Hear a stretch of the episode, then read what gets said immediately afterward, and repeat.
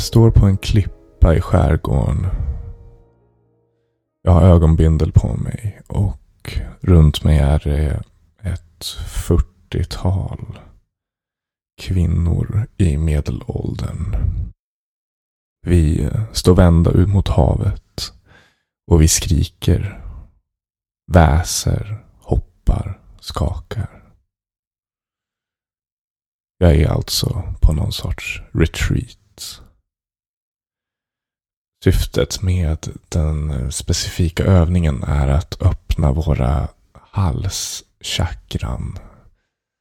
Och jag tror baserat på det jag hörde att många som var där var i starkt behov av det. Att få säga rakt ut det de kanske inte har vågat säga i verkligheten. Och skrika och skaka och dansa. Vi gjorde massa andra saker på det här retreatet också. Det var meditation och eh, olika andningsövningar och eh, pratade om livet. Jag läste också såklart en bok. Och eh, det var Alan Watts The Way of Zen.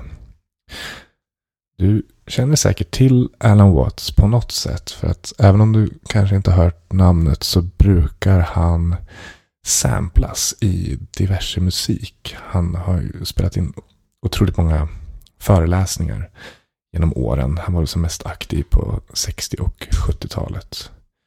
Och många av de här dyker upp i olika musiksammanhang. Framförallt i elektronisk musik. Här kommer ett litet klipp. That the so-called outside world and the so-called inside world come together. They are a happening. Your thoughts are a happening just like the sounds going on outside. And everything is simply a happening. And all you're doing is watching it. Han var då en beläst man som började sin karriär som präst i den kristna världen. Men som sen blev intresserad för de så kallade österländska religionerna. Och var en av de som populariserade meditation och yoga för västvärlden. Han både föreläste och skrev böcker. Ehm, den här boken handlar då om zen-buddhismens historia och praktik. Den är ganska akademiskt upplagd. Ehm, han har tydligen läst eh, både förstahandskällorna på originalspråk, om jag förstår rätt. Alltså kinesiska och eh, sanskrit och japanska. Eh, men också refererat till olika andra akademiska verk. Så det är ingen lätt bok att läsa om man inte är van vid den typen av ganska tekniskt språk.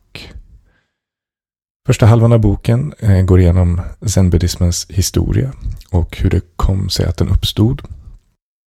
Vi har ju bara en jätte, eller jag kan prata för mig själv, en väldigt vag bild av zen som eh, man tänker när någonting är zen att det är typ lugnt, harmoniskt, man kan titta på en specifik möbel eller något så här beige vardagsrum hemma hos någon och säga att det är väldigt zen. Men vad är det egentligen de håller på med och, och varför? Så den är då en mix av buddhism, såklart, det är en typ av buddhism. Men som sen när buddhismen vandrade norrut och österut genom Kina för att till slut landa i Japan eh, så på vägen där så möter den eh, den kinesiska, kan man kalla det religionen, jag vet inte, filosofin, världsåskådningen, taoism eller daoism, som i alla fall jag inte vet, eller visste innan jag läste den boken, så visste jag typ ingenting om, om det. Buddhismen har väl du som lyssnar så mycket koll på som man behöver ha koll för att förstå det här. Det vill säga att det fanns en man som kallade sig för Buddha. Han var upplyst. Han insåg att han insåg ett antal sanningar om världen. Typ eh, livet är lidande. Och sen hade han också ett recept, ett antal steg för att komma ut ur den här eviga cykeln av liv och död och att må piss, som då eh, vi inte vill göra. Um, det vi känner till från taoismen då, det är kanske framförallt yin och yang-symbolen. Den här svartvita cirkeln med prickar som vi använder och ser. Eh, och man tänker att det är någon sorts balans, men man kanske inte tänker några steg längre än så. Så här lärde jag mig eh, ganska mycket. Men hela idén med taoism, om jag ska försöka sammanfatta det, är att världen, universum har ett naturligt flöde. Naturen reder sig själv. Vi behöver inte göra så mycket för att universum ska fortgå eller för att eh, eh, allt ska existera och utvecklas. Vi behöver inte egentligen förändra någonting. Eh, däremot har ju människan både språk och en planeringsförmåga som gör att vi blir väldigt duktiga på just det, på att bända världen till eh, vårt tycke och få det vi vill ha. Vilket har gjort att vi inte bara säkerställer vår överlevnad som the number one species on the planet. Utan också typ, ehm, ja, vi förstör ju allting på vägen. Det behöver jag inte berätta för er.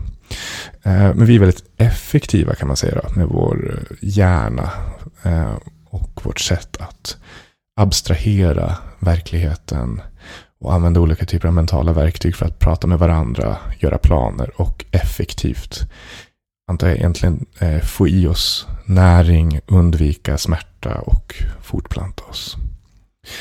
Men det finns ju också en kostnad med det här eh, språket och den här planeringsförmågan och det är att vi kritiserar oss själva hela tiden. Vi har våra impulser och sen har vi hjärnan som försöker eh, parera eller manövrera våra egna instinkter.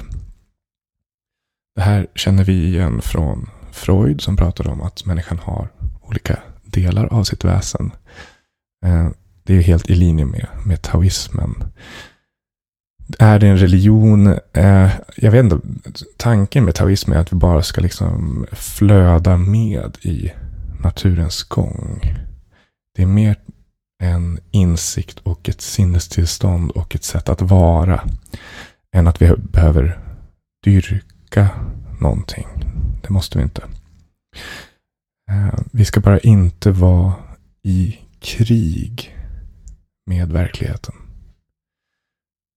Man kanske ibland känner sig som att man tycker typ samhällets kultur och normer är i konflikt med en själv. Men taoismen tar det ett steg längre och hävdar att du är också som människa i konflikt med själva varandet i sig på en djupare nivå. Och det tycker jag ändå när jag läste det, att ja, men det, det stämmer nog. Jag kan nog känna inom mig att jag inte bara har problem i vissa specifika situationer, utan det känns också på en metafysisk nivå som att jag eh, behöver kämpa mot själva existensen ibland. Det uttrycket taoismen tar sig är till exempel med sådana här olika eh, spådomar som I Ching. Som fungerar på ett sätt att bara berätta. Eh, man spår på olika sätt och försöker bara lyssna på vad verkligheten vill i sig och åka med på det. Och det passar ju rätt bra med tarot som vi pratade om för några veckor sedan. Det kan man säga man skulle kunna använda som ett taoistiskt verktyg genom att bara låta korten berätta saker och, och åka med i det. Det finns ingen skapande gud i taoismen som i de abrahamitiska religionerna eller ens i hinduismen tror jag. Utan världen uppstår spontant och bara växer fram. Det här konceptet kallas för wu-wei, icke-skapande. Och jag tyckte när jag läste det att jag kunde tänka på när jag gör musik och de gånger jag försöker krampa fram någonting så blir det sällan så bra. Medan när jag bara släpper taget och låter pennan gå. Det är då i alla fall jag har skrivit bäst låttexter eller riff eller sånt. Det finns ingen eh, härskande gud i taoismen som står och bossar över världen och oss. Och vi behöver heller inte härska över oss själva eller någonting egentligen. Det som är kontroversiellt skulle jag säga i det här är ju om vi återgår till yin yang symbolen så förutsätter det här att allting är eh, inte att allting är gott, men att allting är nödvändigt. Någon typ av död krävs för att någon typ av liv ska uppstå. Man kan tänka på en naturdokumentär där man först ser typ något djur försöker fly från ett, från en, eh, försöker komma på något rovdjur här. Lejon är för tråkigt. En uggla försöker döda ett djur. Typ någon sork och den typ klarar sig och då blir man glad. Så yay, sorken överlevde. Heja på sorken. Eh, men då kanske ugglan dör för den har inget att, inget att äta. Så det blir deppigt hur den blir. Men taoismen säger då att eh, både liv och död krävs. Död är inte bättre än liv. Liv är inte bättre än död. Allting är eh, nödvändigt och en del av naturens gång. Och det är lätt att säga, men det är väldigt sällan vi agerar på det sättet. Och om man var taoistisk skulle man ju vakna upp varje morgon och bara glida med och se vad som händer. Frågan är hur länge man skulle ligga kvar då. I mitt fall, länge. Vad händer då när den här taoismen som jag nyss har beskrivit möter buddhismen?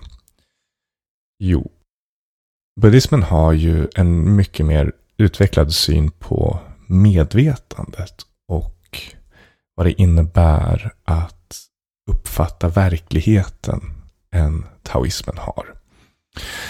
Så eh, inom buddhismen praktiserar man väldigt mycket meditation där man övar sig i att rikta uppmärksamheten mot nuet och sensationer och tankar utan att eh, klänga sig fast vid dem eller hålla sig kvar. Det uppstår ett väldigt intressant samspel mellan de här två trossystemen över ett millennium, ungefär från år 500-600 efter Kristus och tusen år framåt, framförallt i Japan. Jag skulle beskriva det som att taoismen ställer ett antal frågor till buddhismen över tid och det är den konversationen som sen uppstår. Och den viktigaste frågan tror jag är följande.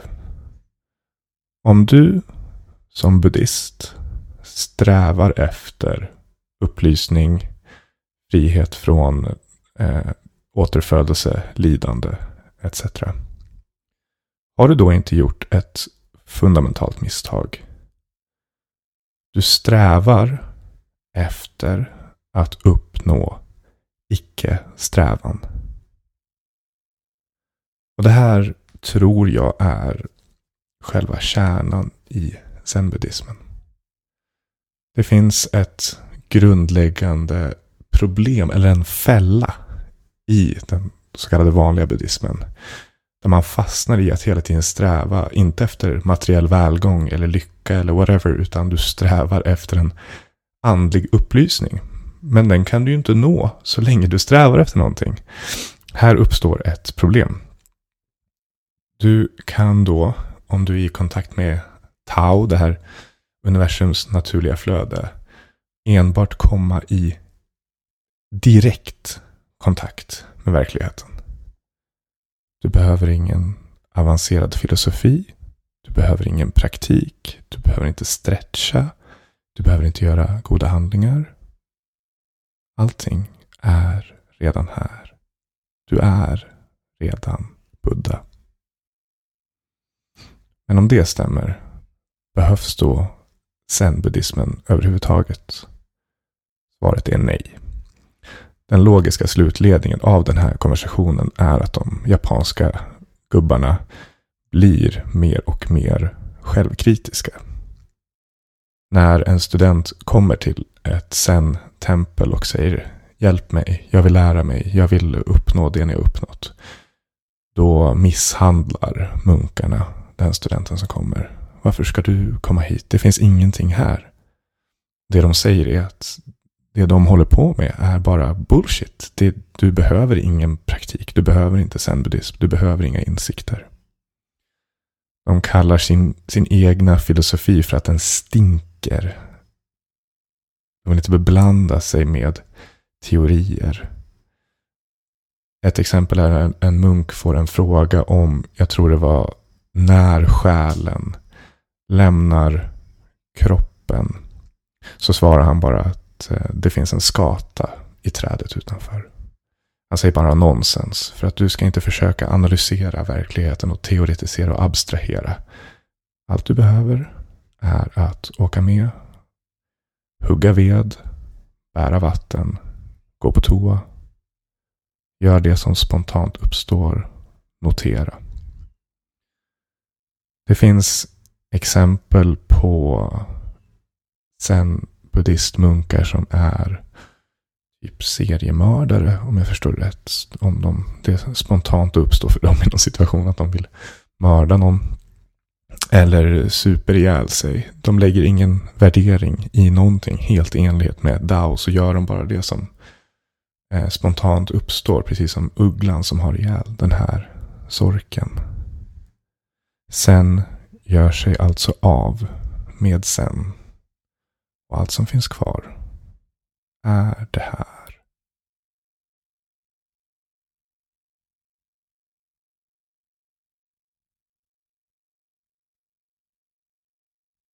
Jag stod alltså på de här klipporna i skärgården och skrek med ögonbindel tillsammans med de, måste jag säga, underbara eh, medelålders kvinnorna. Syftet var att släppa på känslor, tankar och rena både vår fysiska kropp, vår, vårt psyke och även vår andliga subtila kropp. Men vad är slutmålet? Och vad är det vi håller på med egentligen?